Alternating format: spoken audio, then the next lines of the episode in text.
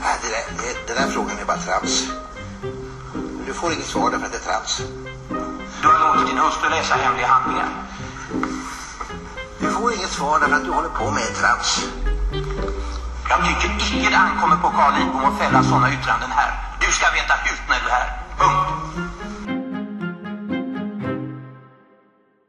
Då hälsar vi välkomna till T1-podden ytterligare ett avsnitt och idag är det den 11 februari 2021 och det är jag, Moa Kindström Dahlin som är här.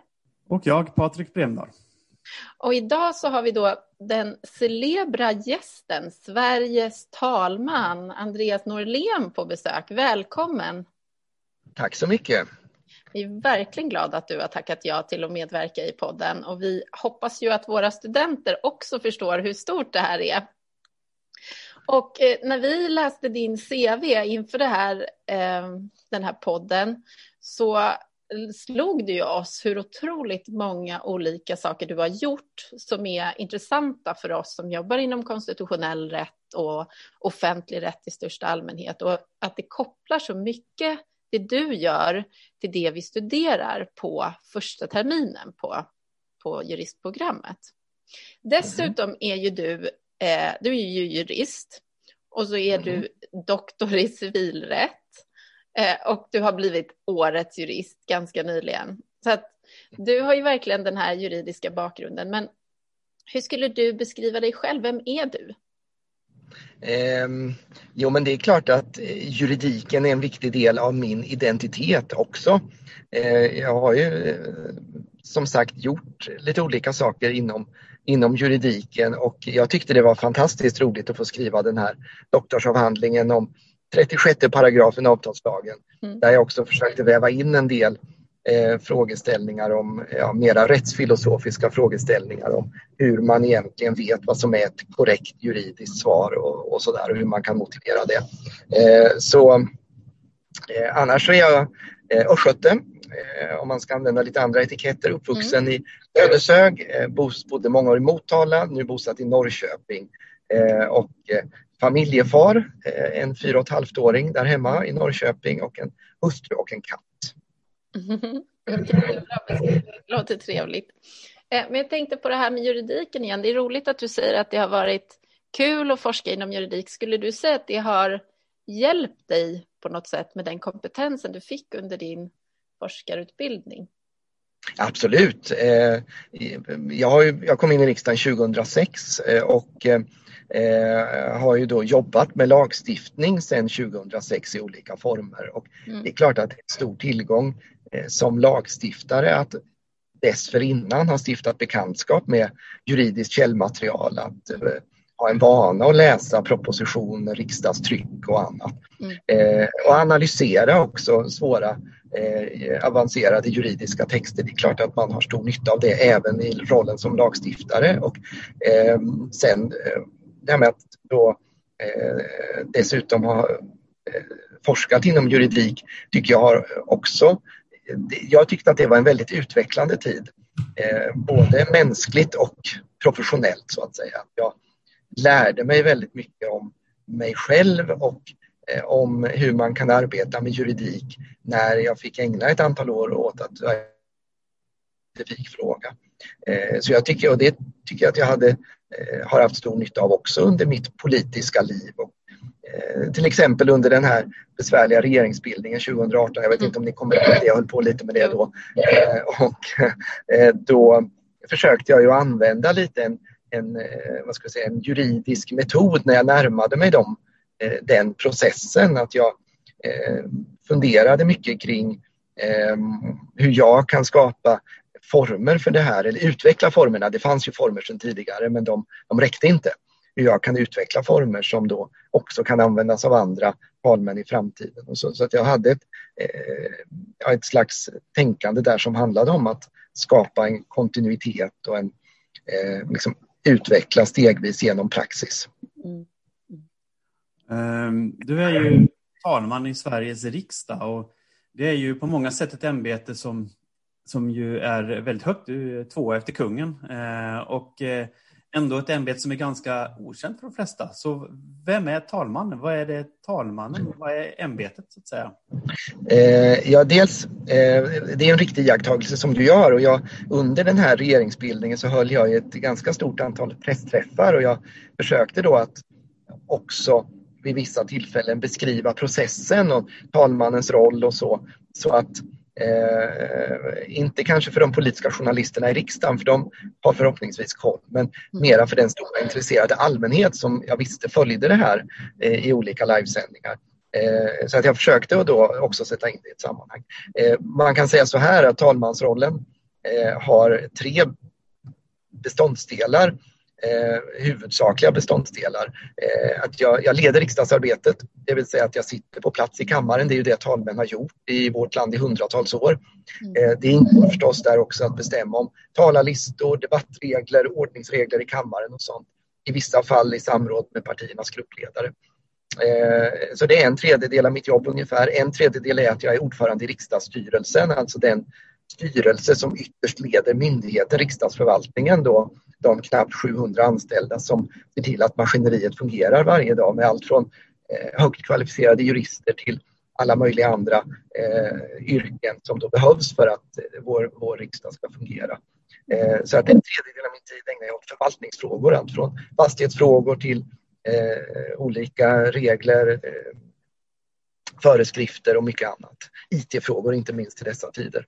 Eh, och en tredjedel handlar om att representera riksdagen och Sverige i olika sammanhang, inom riket och utom riket.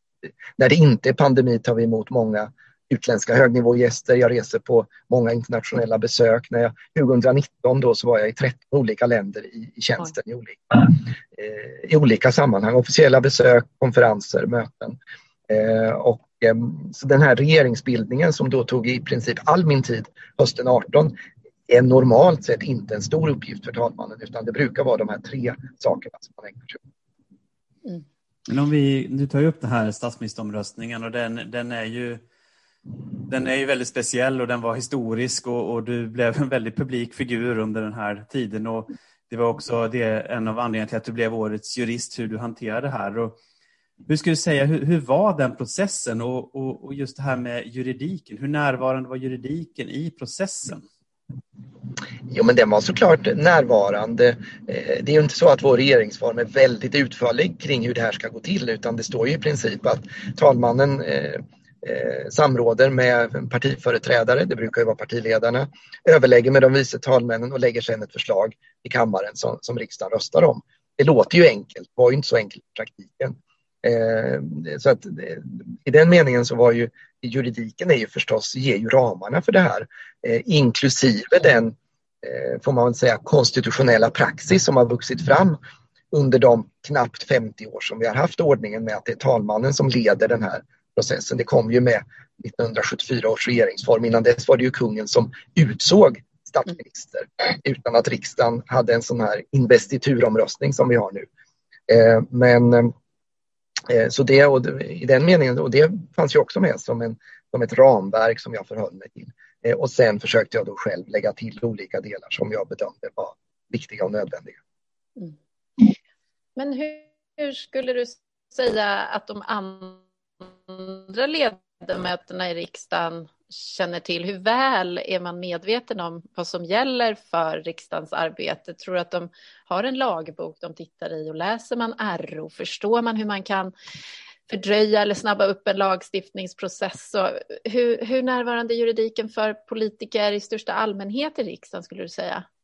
Eh, ja, men jag tror nog, eller min bedömning är att den är i hög grad närvarande för alla ledamöter. Dels så, även, alltså, eh, även om man inte är jurist så Eh, måste man ju ha mm, en, en, grundläggande kunskap om procedurerna i riksdagen för att kunna arbeta. Man måste eh, känna till hur utskotten fungerar och så. Och där, därför har vi en introduktionsutbildning för alla nya ledamöter eh, i början av varje valperiod och om man kommer in ny mitt i mandatperioden. Eh, utskotten har sina introduktioner när man då går igenom utskottsarbetet och så.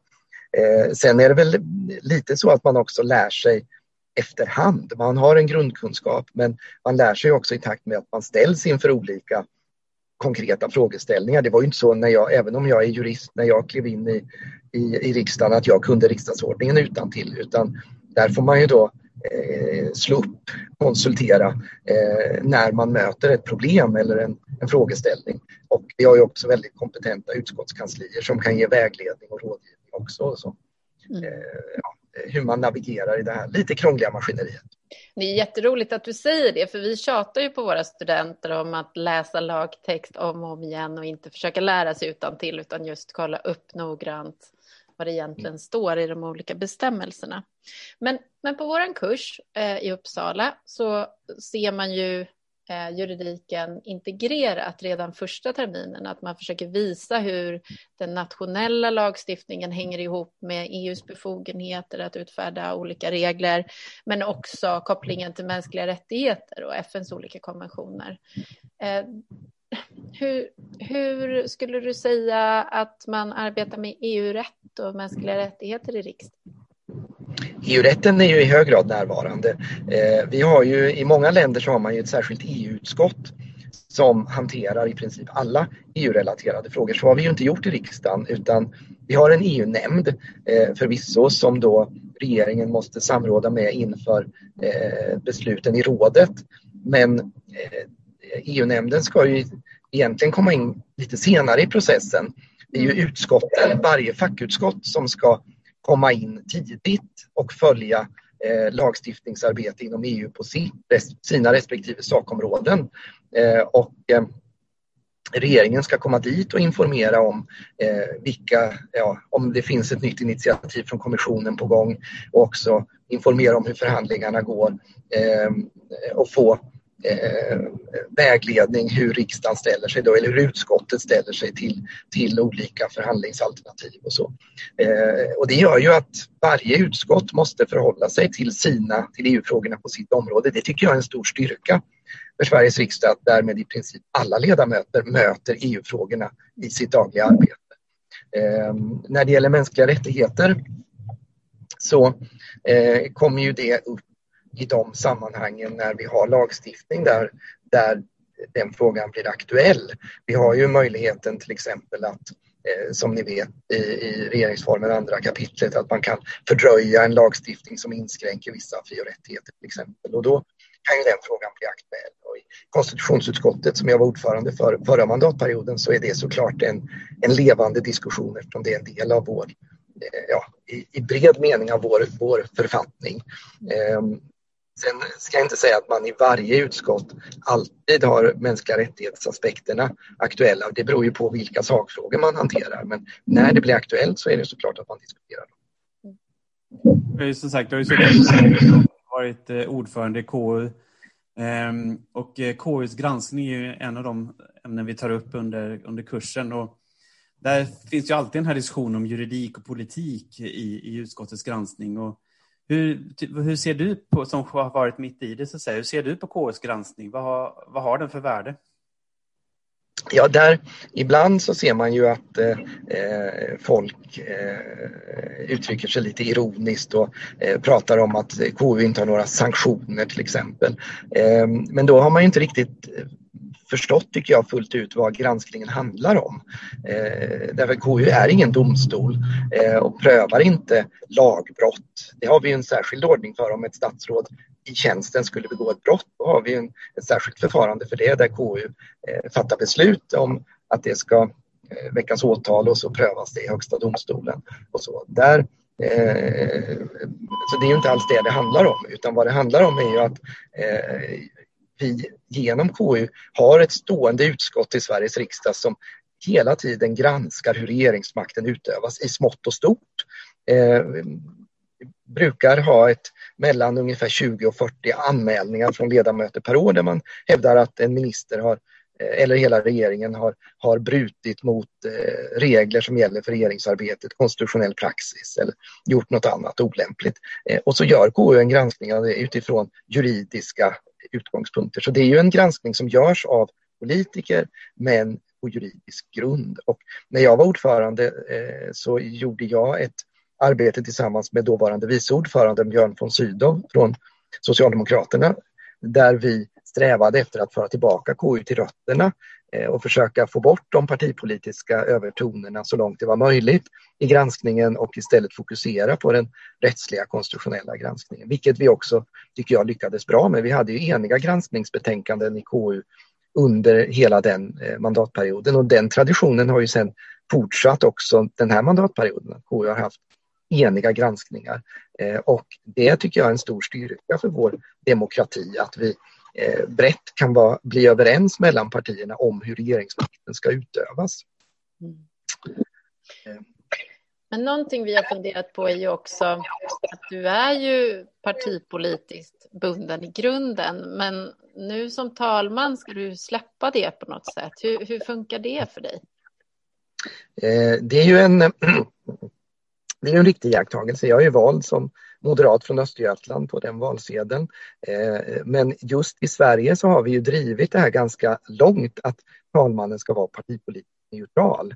Eh, och eh, i motsats till de vice talmännen som ju får fortsätta att vara partipolitiskt verksamma så ska ju jag inte, jag får inte delta i det partipolitiska riksdagsarbetet i utskott, jag får inte delta i kammardebatter, men eh, jag bör inte heller eh, delta i den politiska debatten i samhället, kommentera på Facebook eller, eller så. Och, eh, eh jag tycker att det har, eh, från mina utgångspunkter, har gått bra. Dels så hade jag är jag väldigt sysselsatt med det jag gör. Under regeringsbildningen var det ju väldigt mycket arbete med det. Eh, det kom ju direkt efter att jag hade blivit vald och sen har det rullat på i högt tempo. Så jag har inte hunnit sakna det partipolitiska och eh, mitt sätt att eh, liksom hantera den här frågan på är att jag, jag försöker, särskilt när det är eh, frågor som kan vara politiskt kontroversiella, att jag försöker att vara väldigt öppen med mina argument och bevekelsegrunder, särskilt under regeringsbildningen förstås att jag på pressträffarna redovisade noggrant vilka argument jag hade för att fatta ett visst beslut om vägen vidare. Så att det skulle kunna granskas då av, av alla. Eh, att man kunde se att jag faktiskt inte hade tagit några otillbörliga hänsyn. Alla partiledare sa också efter den processen att de var nöjda med hur den hade skötts och att de tyckte att jag hade agerat på ett opartiskt sätt. Och det är jag väldigt glad för. Mm. Är det en fördel i de lägena? Förlåt, att? Är det en fördel där att vara jurist när man kommer in i en sån roll? Ja, jag vet inte. Jag tror att alla mina företrädare som talmän har ju också, upplever jag, lyckats väl med att hålla den här partipolitiska neutraliteten när de har utövat sitt ämbete. Så jag tror att man kan, eh, det, är väl, det är väl snarare så att man får lära sig i, i livet att beroende på vilken roll man går in i så får man ha olika förhållningssätt. Det är ju samma sak om man Eh, är partipolitiskt verksam och, eh, på heltid och sen går in i en, i en helt annan roll som mm, tjänsteman i någon myndighet eller så, då måste man ju lägga det där åt sidan och det, eh, det, det, tror jag, det, jag tror att det är en utmaning som, de många möter, att kunna skilja mellan olika roller. En annan sak som vi tar upp när vi vi har ett seminarium som kallas Vi stresstestar regeringsformen diskutera i ljuset av en utveckling vi ser i Europa och på fler ställen i världen hur motståndskraftig vår grundlag är så att säga, för hot mot demokratin. Och hur ser du på den svenska grundlagen så att säga? Är den ett, full, ett fullgott skydd för den svenska demokratin? Eh, man kan väl eh, säga så här att eh, Ja, eh, eller för att ta den utgångspunkten, riksdagen högtidlighåller ju hela den här mandatperioden, 100 år av demokrati. Vi kallar det för demokratijubileet. Om jag får vara fräck och ge en liten reklamjingel mitt i alltihop så kan jag säga att på firademokratin.riksdagen.se kan man läsa massor om det här, hur det gick till, eh, olika fördjupningsartiklar och så. Jättebra sajt. Eh, men för att, för att, svara på frågan då så eh, tänker jag att vår demokrati eh, är hundra år gammal i Sverige. Eh, vi har länge tagit för givet att Sverige alltid ska vara en demokrati, tycker jag. Och eh, ett av mina budskap i samband med jubileet är just att vi får inte ta det för givet. Utan demokratin måste vårdas och värnas av varje ny generation. Och, så jag tycker det här ni gör är, är jättebra.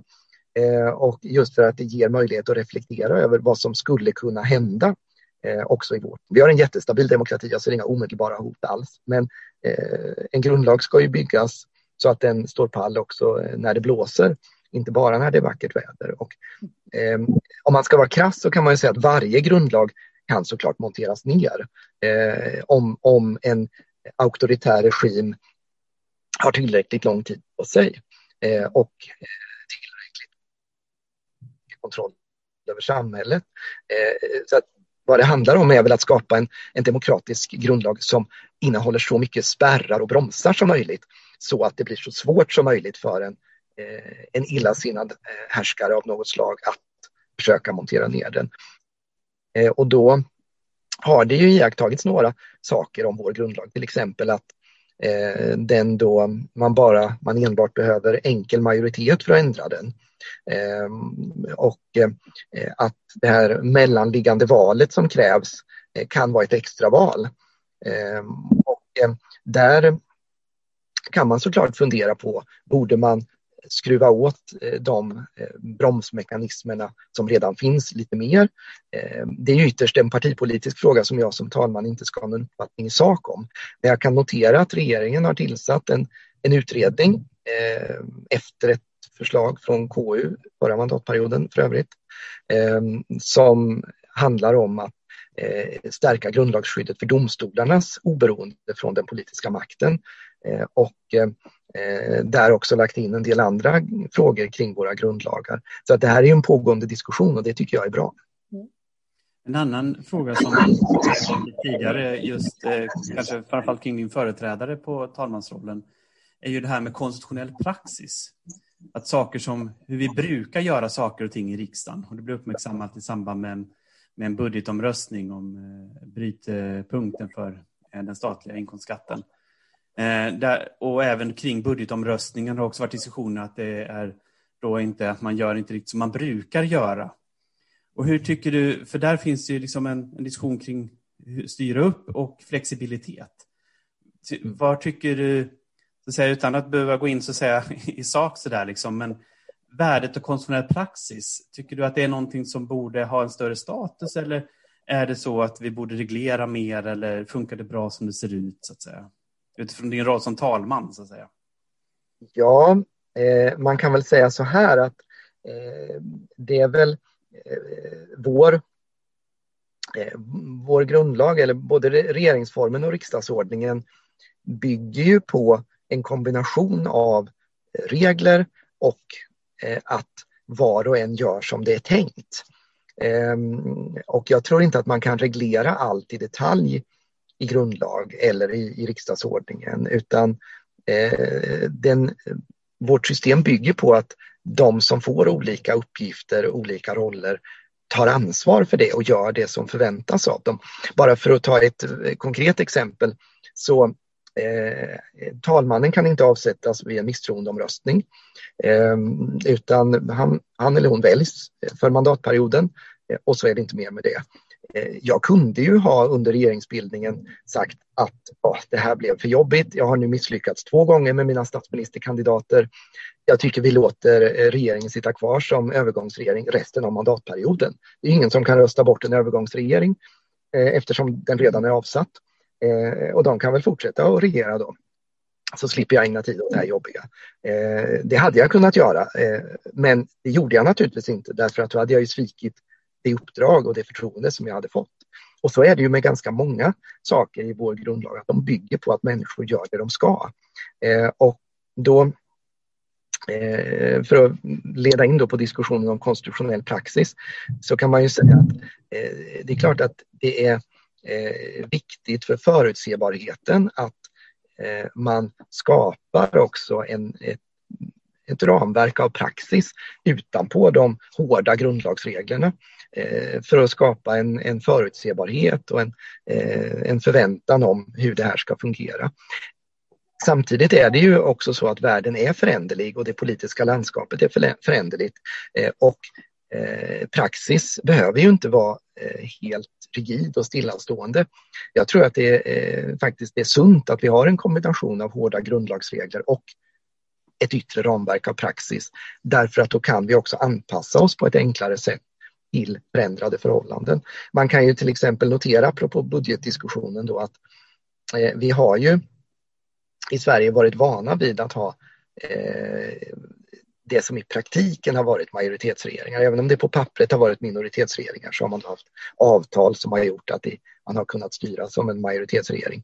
Ända, eh, och med några få undantag då, och fram till 2010. Sen har vi ju haft så att säga riktiga minoritetsregeringar som, som inte har haft ett organiserat samarbete på ett sätt så att de kan vara säkra på och, och eh, vad som händer med, med förslagen i riksdagen. Och det är klart, har man en situation med så att säga en riktig minoritetsregering, då blir det ju också svårare att upprätthålla en praxis som har utgått och skapats i en tid av i praktiken de facto majoritetsregeringar. Därför att då kanske riksdagen vill ha lite mer att säga till om, om man har så att säga en riktig minoritetsregering. Eh, och då kanske den praxis som växte fram eh, under de facto majoritetsregeringarnas tid behöver justeras lite grann utan att man för den skull behöver gå in i grundlagen. Eh, ja, det var ett långt resonemang men ja. ungefär så tänker jag det här. Ja, men väldigt spännande att lyssna på dig. Vi ska ju säga att du är ju på resande fot och det blir lite konstig rundgång ibland med, med mikrofonen här, men jag tycker att det funkar väldigt bra i alla fall. Eh, en lite mer vardaglig fråga för att runda av. Eh, du talade om regeringsbildning som ju är en, en stor uppgift när den väl är, är på tapeten och det är ju inte så ofta. Men hur ser en vardag ut för dig eller när du går till arbetet, vad gör du egentligen? Eh, ja, nu i pandemitid så eh, sitter jag faktiskt en hel del hemma i Norrköping och har digitala möten från morgon till kväll. Nu är jag i Stockholm och jag ska sitta i kammaren. Och Ehm, det är väl, eh, man kan säga lite som jag var inne på att eh, om vi bortser från pandemins tid då så eh, en vanlig arbetsvecka är ungefär indelad i tre delar som handlar om leda riksdagsarbetet, sitta i kammaren, ha möten om förvaltningsfrågor och att ha olika representativa uppgifter, ta emot utländska besökare eller eh, kanske hålla ett föredrag ut, i Sverige eller, eller så. Eh, så att eh, Sen är ingen dag den andra lik, eh, utan det enda man vet i förväg, eller långt i förväg, är i princip kammarpassen. Men det är väl ungefär så skulle jag beskriva min vardag. Mm. Funkar då tillsammans, så att du hade en fyra och ett halvt åring där hemma och så där. Hur funkar det att kombinera att vara talman och vara familjefar samtidigt? Det är en utmaning ska jag säga. Det är klart att min fru eh, eh får dra ett eh, tyngre lass än om jag hade haft ett mer vanligt jobb utan tvekan. Och eh, jag försöker att lösa det där genom att eh, planera eh, ganska noga så att jag kan hämta och lämna på förskolan vissa dagar, att vi kan äta middag tillsammans vissa kvällar och så. Eh, men det gäller ju då att man ser till att lägga kalendern så att det är möjligt. Mm. Men eh, jag försöker att vara en närvarande familjefar och åka snowracer och. Eh, när det nu är, är snö och, och sådana saker. Mm. För vi pratar ju mer och mer om eh, att skaffa ett hållbart liv eller en hållbar karriär. Våra juriststudenter är ofta stressade över en massa olika saker. Finns det mm. någonting du skulle vilja eh, skicka med de, de studenter som går vår utbildning och som precis har börjat dessutom?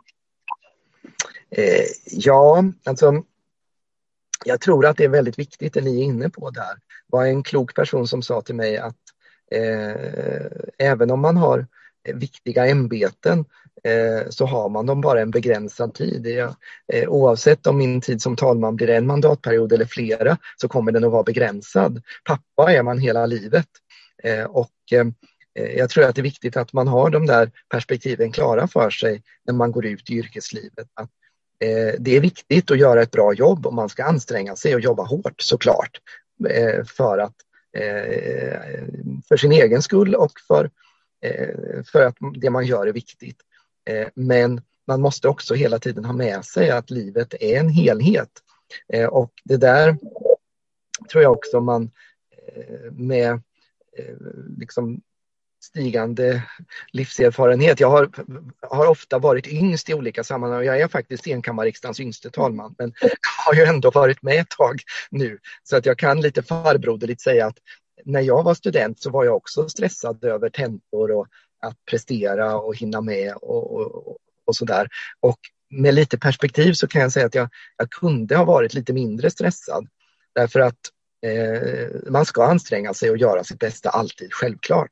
Men eh, det finns, livet är lite mer förlåtande faktiskt än vad man kanske tror ibland när man är mitt uppe i någonting väldigt stressande. Att eh, det ordnar sig ändå, eh, ofta, är, är, min enkla erfarenhet. Lite banal kanske, men eh, jag tycker att kan era studenter då vara lite mindre stressade och njuta lite mer av det fantastiskt roliga eh, det är att faktiskt läsa juridik så tycker jag att det vore bra. Så bra.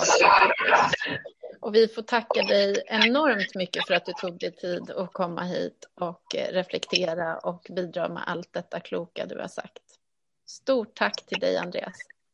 Tack så mycket och tack till eh, er för det fina arbete ni gör och tack till alla studenter för att ni faktiskt vill läsa juridik och på det sättet vara med och eh, bygga vårt rättsväsende i framtiden. Eh, det är ju så, jag pratade om demokratins hundraårsjubileum. En rättsstat är ju en omistlig del av varje demokrati. Så att ni eh, och era studenter är ju med och lägger byggstenar i det bygge som aldrig blir färdigt, nämligen den svenska demokratin. Så tack till er. Tack. tack.